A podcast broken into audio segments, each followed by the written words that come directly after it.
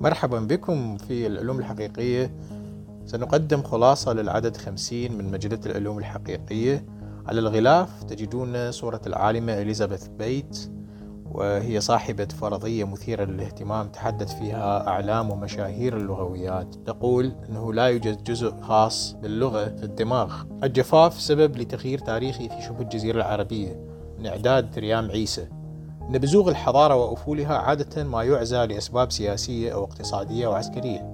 لكن أن يكون السبب هو التغير المناخي ماذا حدث حين سقطت مملكة حمير؟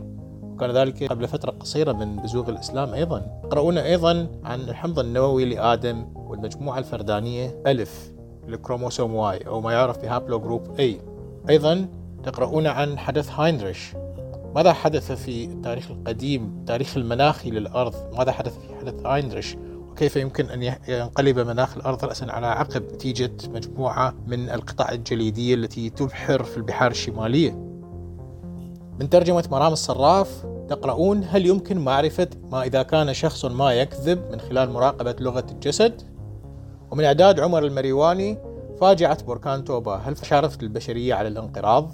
هل بلغ تعداد البشر ثلاثة آلاف إلى عشرة آلاف نسمة فقط بسبب بركان؟ ومن إعداد سيف محمود علي دكتور أوز الطبيب والمحتال مسيرة محمد أوز في نشر العلوم الزائفة والخرافات من هو محمد أوز؟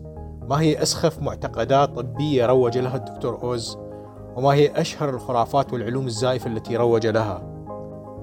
قراءة ممتعة وتجدون رابط تحميل المجلة في أسفل البودكاست